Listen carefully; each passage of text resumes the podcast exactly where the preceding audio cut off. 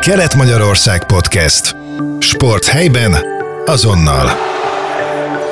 Mai vendégünk Orendi Mihály, a Magyar Olimpiai Bizottság volt alelnöke, a Központi Sportiskola elnöki főtanácsadója, illetve a Debreceni Egyetem címzetes egyetemi docense, és Nyíregyháza 10 polgára is.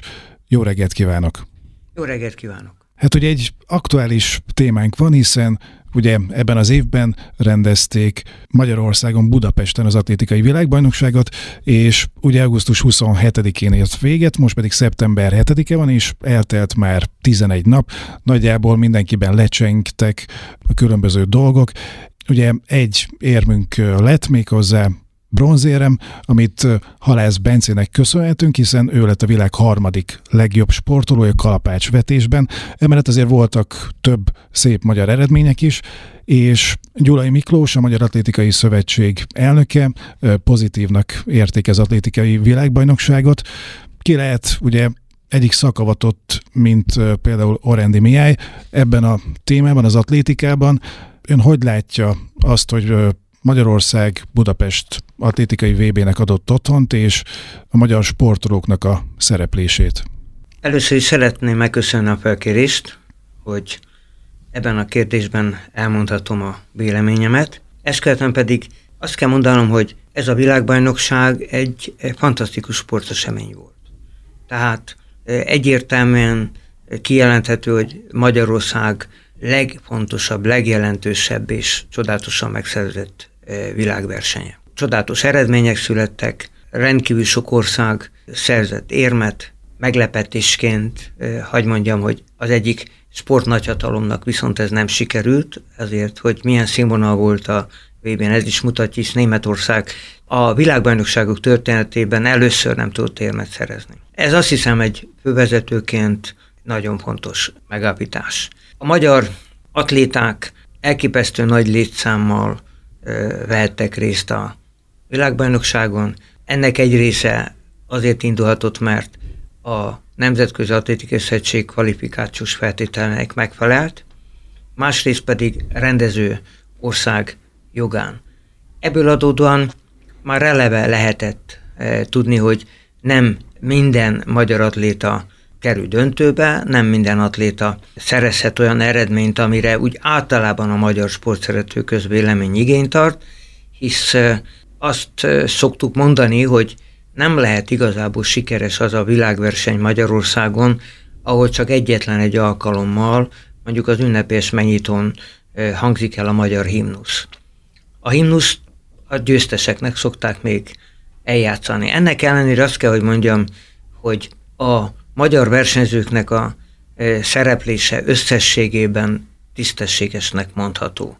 Ez nagyon általánosnak hangzik, egy kicsikét megpróbálom konkretizálni. Mit értek ez alatt? Egy versenyző felkészítését akkor lehet sikeresnek mondani, hogyha ott és akkor éri el a esztendő, vagy éppen élete legjobb eredményét, ahol a legfontosabb. Ez egyfajta minősítése is a szakmai munkának. Na most Magyarországon ezek a gyerekek nagyon szép, sok-sok egyéni csúcsot produkáltak, és jó néhány, és elsősorban ilyen szakállas országos csúcsokat javítottak meg, mint a fiú vagy a lány 4x400-as váltóban. Tehát azt lehet mondani, hogy önmagukhoz képest korrektül, tisztességesen fölkészültek, föl készítve. Tudomásul kell venni ugyanakkor, hogy a világ lényegesen előrébb tart. Tehát vannak olyan eh, nemzetek, és egyre többen, ahol a versenyzők már csak a válogatás szintjén is olyanok, hogy éremesélyesek. Egy példát hagy mondjak el. A Brit Atlétikai Szövetségnél egy olyan kőkemény válogatási elvet fogadtak el, hogy csak az a versenyző vehetett részt eh, a budapesti atlétikai VB-n, amelyik eh, a legjobb nyolc közé jutásra abszolút esélyes. Tehát olyan eredményt ért el, amivel a legjobb nyolc közé eh, juthat. Ez egy erős atlétikai hagyományokkal rendelkező országnak természetes. Nálunk ez nem lehetett természetesen cél, irreális is lett volna. Éppen ezért szerintem a Magyar Atletikai Szövetség a részvételi követelményeit a lehető legjobban rakta le, hisz egyrészt megfogalmazták azt, hogy a VB rendkívül fontos esemény a magyar atlétika történetében, de nem a végcél. Tehát ne felejtsük el, hogy jövőre Párizsban olimpiai játékokat rendeznek, és 28-ban pedig Los Angelesben lesz szintén olimpia. Ezért aztán a sok-sok fiatal magyar versenyző, nagyon sokan 19-20-21 évesek voltak, nem is várható lett volna tőlük az, hogy nagyon markáns, vaskos eredményt produkáljanak. Az is igaz, hogy éppen ezért nagyon nehéz lenne megítélni, hogy ez a teljesítmény, amit most a magyar atléták produkáltak, itt és most ez hosszú távon mennyire jó, vagy éppen kevésbé jó. Erre a választ a következő esztendők fogják majd megadni, és én bízok abban, hogy éppen a, az a tapasztalat, amit itt a versenyzőink szerezhettek egy csodálatos hazai közönség előtt, mert ami a hangulat volt, ahogy a, a közönség, hogy szurkolt az utolsó helyen befutó magyar eh, versenyzőnek is, az valami egészen elképesztő volt, hogy ezek az olyan élmények, amelyek egyrészt a következő hetek, hónapok eh, felkészítésében eh, fantasztikus motivációt jelentenek a versenyzőknek, másrészt olyan tapasztalatokat tudnak szerezni, amelyel már esetleg a párizsi olimpián már döntőbe jutásra is esélyesek lesznek, esetlegesen a negyedik helyből, amit Krizsán Széni produkált, már érmes helyezés is lehet. Mondom, esetlegesen, de ha ezt a lehetőséget nem kapják meg a magyar versenyzők, akkor ez az esetlegesség sem állna fenn. Mi is nagyon-nagyon büszkék vagyunk arra, ugye, hogy Magyarország atlétikai világbajnokságot rendezhetett a magyar sportolókra, köztük természetesen a nyíregyházi sportolókra is, és hogy említette már Párizst, Los Angeles-t, aztán hát, mondjuk Magyarország, ez még ugye a jövő kérdése. Ebben az időszakban mondjuk Los Angelesig lát sok sportolóban egyébként komoly fejlődési lehetőséget, vagy mi kell ahhoz például egy sportolónál, egy atlétánál, hogy nagyon-nagyon eredményes tudjon lenni. Tehát itt gondolok például arra, hogy már a gyerekkori nevelés születni is kell rá, akkor nagyon jó edző kell hozzá, lehetőség kell neki, hogy, hogy megszeresse a sportágat, tudjon sportolni. Szóval nagyon-nagyon apró részletek, miből tevődik össze egy, egy nagyon erős, jó sportoló? Több évtizedes eh, tapasztalattal a háta mögött, és ezt a véleményemet igen gyakran a Magyar Olimpiai Bizottság különböző fórumain is elmondtam. Tehát meggyőződéssel állítom, hogy Magyarországon nincsen olyan általános iskolai osztály, amelyben legalább egy olyan gyerek ne tanulna, amelyik valamelyik olimpiai sportágban olimpikonná tudna válni. E, nem azt mondom, hogy döntős lenne, nem azt mondom, hogy érmes lenne, nem azt mondom, hogy olimpiai bajnok lenne, de ott tudna lenni. Tehát de még sincs ott. Vagy csak nagyon kevesen vannak ott. E, mi lehet ennek az elsődleges oka? Illetve mit kell tenni annak érdekébe, hogy javítsunk ezen a meglehetősen rossz arányon? Hát az elsődleges oka, hogy e, észreveszik-e az iskolában, hogy ebbe a gyerekbe mocorog valami. Ez a gyerek valamibe kiemelkedő. Vagy abban, hogy rendkívül mozgékony. Nem is kell, nem kell ide még stopper, nem kell ide centiméter, semmi sem kell de rendkívül mozgékony, nem tud megállni, nem tud elfáradni. Kettő, megkapja a lehetőséget esetlegesen ebbe a korban, hogy ne csak a tesna és órán, hanem a tesna és órán kívül, de az iskolán belül kipróbálhassa magát. Kap ehhez megfelelő bátorítást, segítséget a tesnai tanárától. Tehát az első és legfontosabb terepe, helyszíne a tehetségek megtalálásának az az iskola és a legfontosabb szereplő, akinek éppen ezért a legnagyobb felelőssége is van a tehetségkutatásban, az a testnevelő tanár. Mi történik akkor, hogyha a testnevelő tanár észreveszi, hogy ez a gyerek valamire képes? Esetlegesen végig gondolja, hogy ő tud-e annyi segítséget adni annak a gyereknek, hogy fejlődjön. Nem-e egyszerűbb lenne, hogyha megfogná a kezét, és elvinné egy olyan egyesületbe, sportegyesületbe, ahol megfelelően fölkészült szakemberek tudnak vele együtt dolgozni. Én úgy tapasztalom, hogy Magyarországon most már ez évtizedek óta érzékelhető, hogy a legjobb, az úgymond élsportolóknak a menedzselése, az szerintem nemzetközi szinten is nagyon jó színvonalon történik. Különösen 2010 óta, amikor a kormányunk stratégia ágazatán nyilvánította a sportot, és a úgynevezett társaságadó révén nagyon sok pénz került be a, a versenysport utánpótlás nevelésébe. Nem itt van a probléma. Úgy gondolom, hogy, és elhangzott ugye a neve, egy Halász Bence mindent megkap, amihoz kell, hogy ő versenyképes legyen, és uram, bocsá, éppen Párizsba az őt legyőző, akár lengyel, akár kanadai eh, versenyzőtől is jobb legyen. De vajon hány Halász Bence él, létezik Magyarországon? Eljutnak egyáltalán oda, hogy elkezdjenek sportolni. Azt tudni kell éppen a Bencéről, hogy hát ő nem szombathelyi, egy alföldi gyerek. Itt született, és a szülő vette észre, hogy ebbe a gyerekben van valami, és nagy darab, és így tovább. Hol van Magyarországon magas színvonalú dobóatléta képzés? Eljutott oda, hogy szombathely. Ugye tudjuk évtizedek óta, hogy a, a német család e, mire képes. És elvitte a fiát oda, azóta is ott ragadt, és hát ma már valóban világklasszis e, versenyző tudott lenni.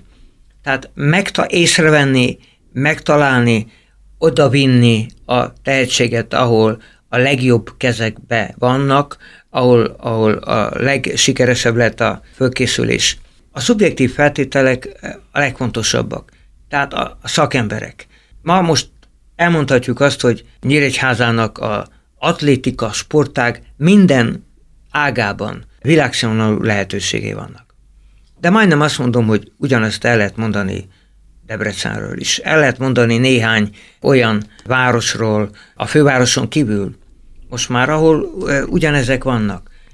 De hogy mi lesz belőle, az már egy speciális, szubjektív szakmai kérdés. Ugye említette azt, hogy az első legfontosabb lépcső az a általános iskola, ahol a sport testnevelő tanár kiszúrja vagy nem szúrja-e ki a tehetségeket. Ez például mondjuk, ahol nagyon sikeresek, ugye említette például a briteket, vagy Amerikába, ott specifikusan már nagyon odafigyelnek erre, vagy miben másabb az ottani gyakorlat, mint például a, a magyarországi? Hát minőségi különbségek vannak, különösen az angol száz országok és a mi gyakorlatunk között, mert az angol száz eh, országokban ennek is már sok évtizedes eh, tradíciója van.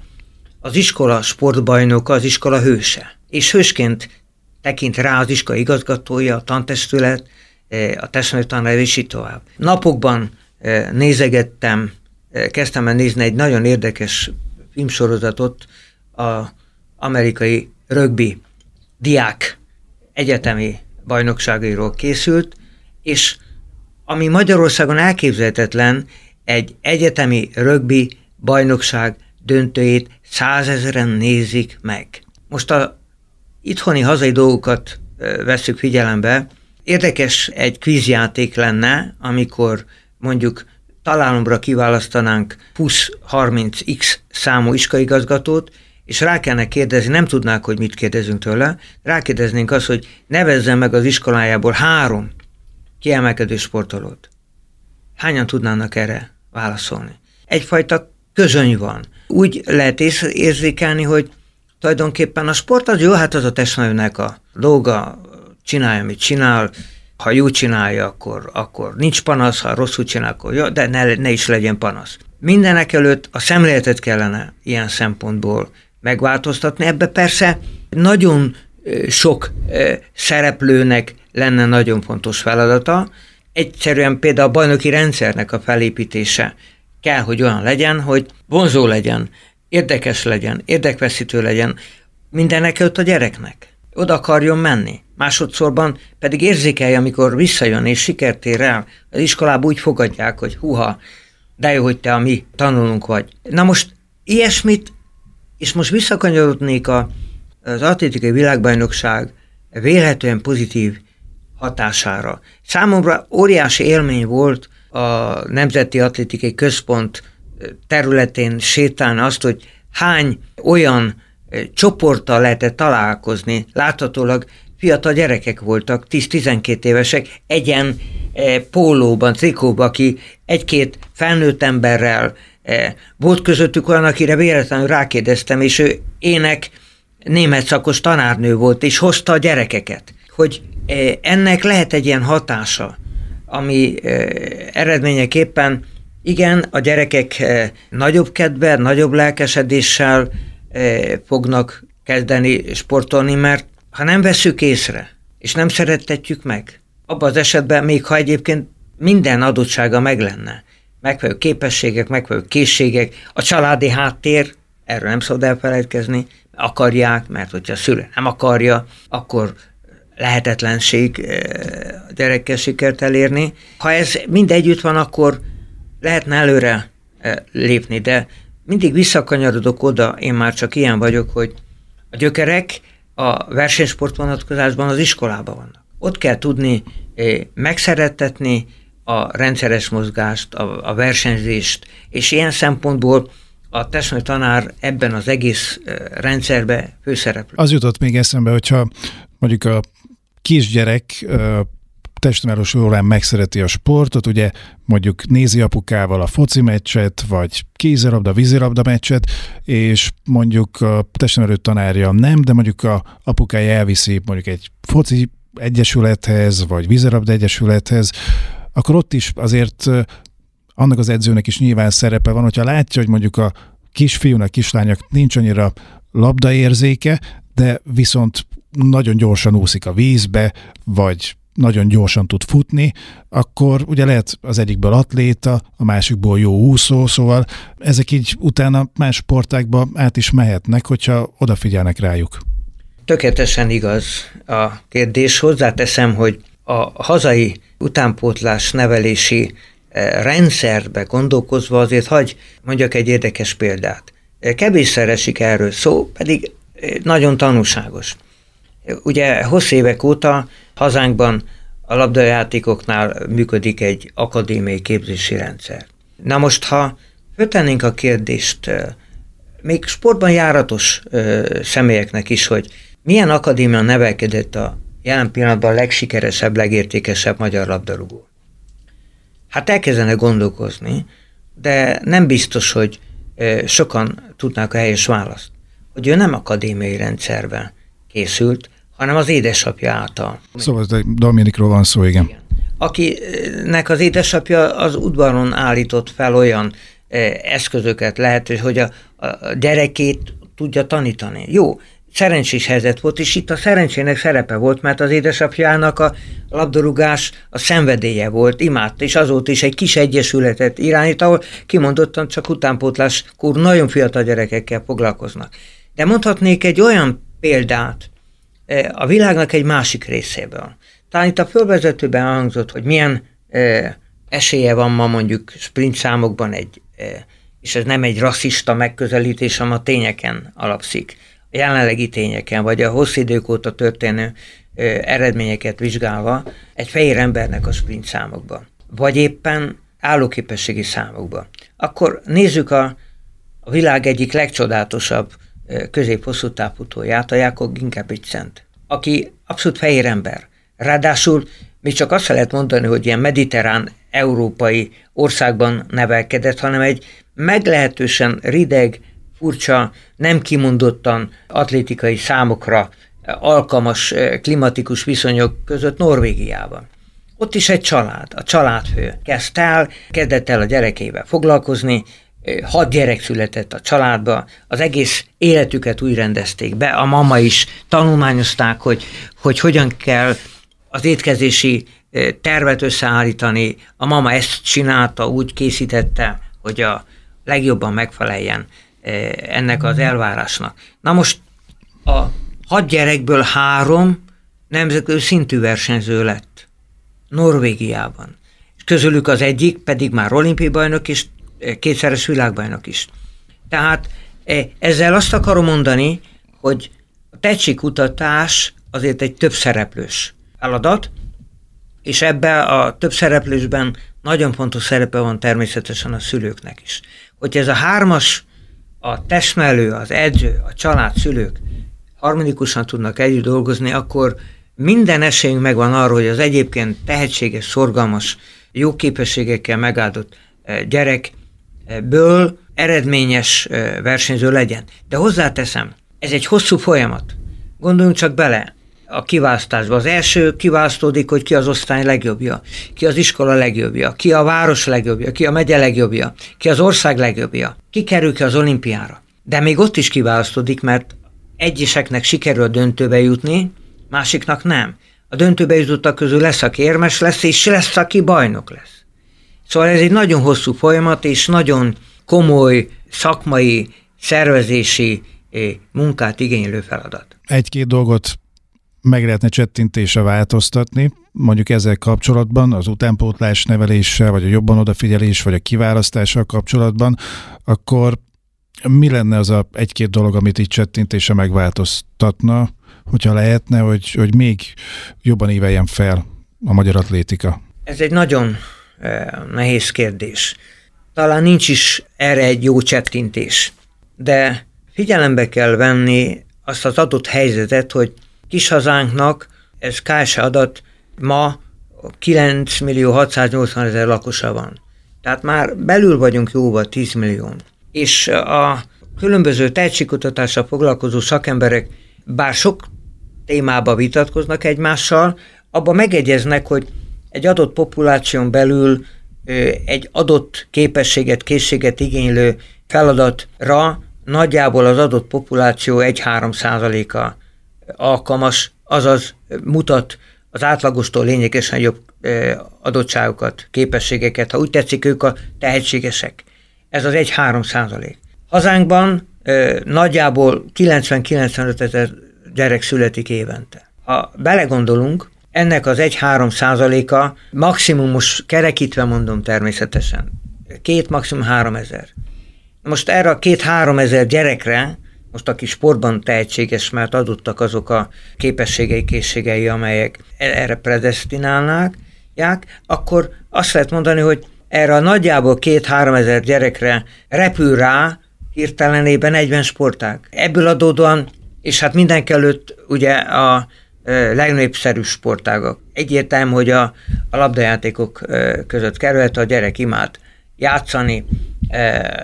József Attilának van egy csodálatos szép gondolata, szép versének egy gondolata, hogy, hogy jó szóval oktas, de játszani is enged szép okos fiadat.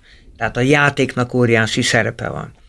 Ha most ráadásul ebből a két-három ezerből, amikor elosztódik Szent Gotthártól Záhonyig, tehát az sehol sincs előírva, hogy az igazi tehetség az Budapest 5. kerületébe születik, vagy éppen Záhonyba születik, mindenütt születik, ahogy említettem korábban, hogy szerintem minden osztályban van legalább egy olyan képessége megáldott gyerek, aki olimpikonná tudna válni, akkor el kell kezdeni ennek a három fontos szereplőnek összedolgozva, nevelve, szeretve nevelve a tehetséggel. Nem szabad önzőnek lenni. Lehet, hogy, hogy van egy olyan helyzet, amikor megállapítja egy szülő. Éppen a a szoboszlai papa, aki elég hamar rájött arra, hogy ő eddig a szintig tudja a legdrágább kincsét a gyerekét fölkészíteni, és utána keresett egy olyan helyszínt, egy olyan műhelyt, ahol biztos volt benne, hogy a gyereke fejlődése biztosított lesz, és elvitte a Salzburgi akadémiára. Ott kezdett el játszani. Onnan csábított el az Anya Egyesület, ugye a Red Bullnak a fő egyesülete Lipcsébe van, majd elkerült oda a világ egyik legrangosabb klubjához, a FC Liverpoolhoz. Tehát ez egy hosszú folyamat, de csak tudatosan. Azt szoktam volt mondani, hogy a tudáshoz, a sportbeli tudáshoz is a nagyon magas teljesítmény eléréséhez nincs királyút. Tehát ezt nem lehet mondani, ha úgy tetszik, egy csettintéssel. Kőkemény melóval, nagyon kemény munkával, sok-sok szereplőnek összefogva, a gyerek érdekeit maximálisan figyelembe véve, a nagy cél érdekébe fölépítve a felkészülés különböző szakaszait kell dolgozni, és akkor esélyünk van, hogy ez a kis nemzet versenyképes tudjon lenni a, a hatalmas Kínával. Kínában egy 9 millió, 10 milliós városka az egy közepes színvonal városka, de ne felejtsük el, az ésportolóinknak különböző sportágokban kínaiak ellen is kell versenyezni, e, vagy indiaiak ellen is kell versenyezni, Egyesült Államokkal is kell versenyezni. Tehát ami nem fordítunk lényegesen nagyobb figyelmet. A tehetség kutatás, a tehetség menedzselésnek, a hosszú útjának a biztosítására, akkor és ez egy pessimista megállapodás, valóban néhány év múlva már annak is kell örülni, hogyha valaki a részvételt az olimpiai játékokra, a világbajnokságokra kiarcolja.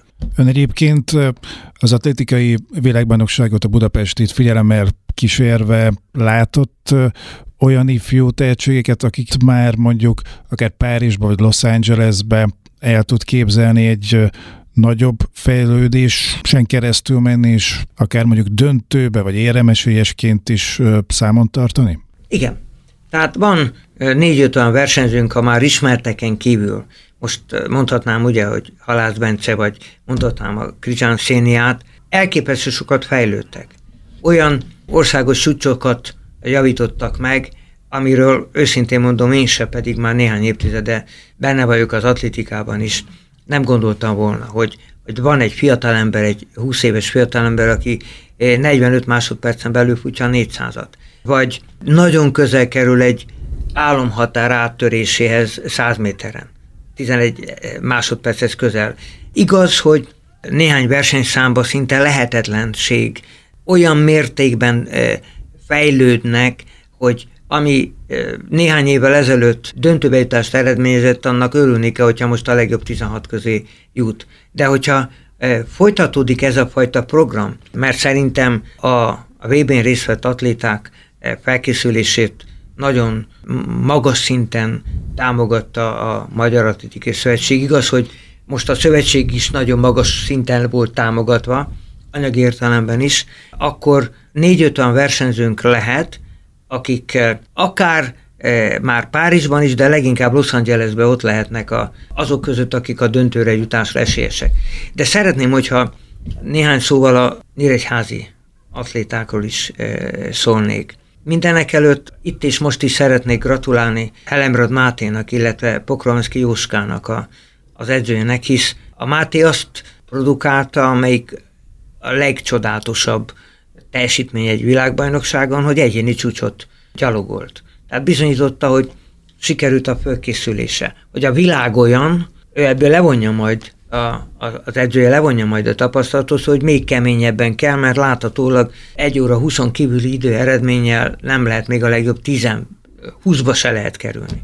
De mondhatnám, aki nekem meggyőződésem, hogy világklasszis adottságai vannak a szikszai Robi diszkoszvetésben. Ráadásul diszkoszvetés az az ágazata, az a sportág az atletikának, ahol általában van néhány kivétel, de jellemzően 30 év, 35 év között érik el a csúcs teljesítményüket.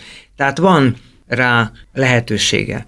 Úgy tűnik nekem, hogy éppen a Robi aki az előző kérdés föltéve bármelyik világversenyen döntőbejutásra esélyes, de valami még nála nem sikerült, nem jött össze, hogy ennek e formába időzítés, vagy egyszerűen nem egy, jelenleg még nem egy jó edző, vagy versenyző típus, ezt én nem tudnám megmondani, ezt erre legjobb választ egyrészt ő, másrészt Kerekes Laca az edzője tudna válaszolni. És hát láttam, igaz, hogy csak egy csoportot, nagyon fiatal gyerekekkel. Élmény volt néznem néhány héttel ezelőtt Bakusin és Encerikának a csoportját. E, valamiért több mint húsz gyerek volt, olyan alkató, olyan mozgású e, gyerekekkel foglalkozott, akiből véleményem szerint nemzetközi klasszisú versenyző lehet. És a nagy talány, ha már éppen Erikát említettem, a Péter fiúk. Nem is értem igazából, hogy, hogy miért nem tudott ő már stabilan, biztosan 2.25-2.30 magasságában versenyeken teljesíteni, de még mindig nem késő.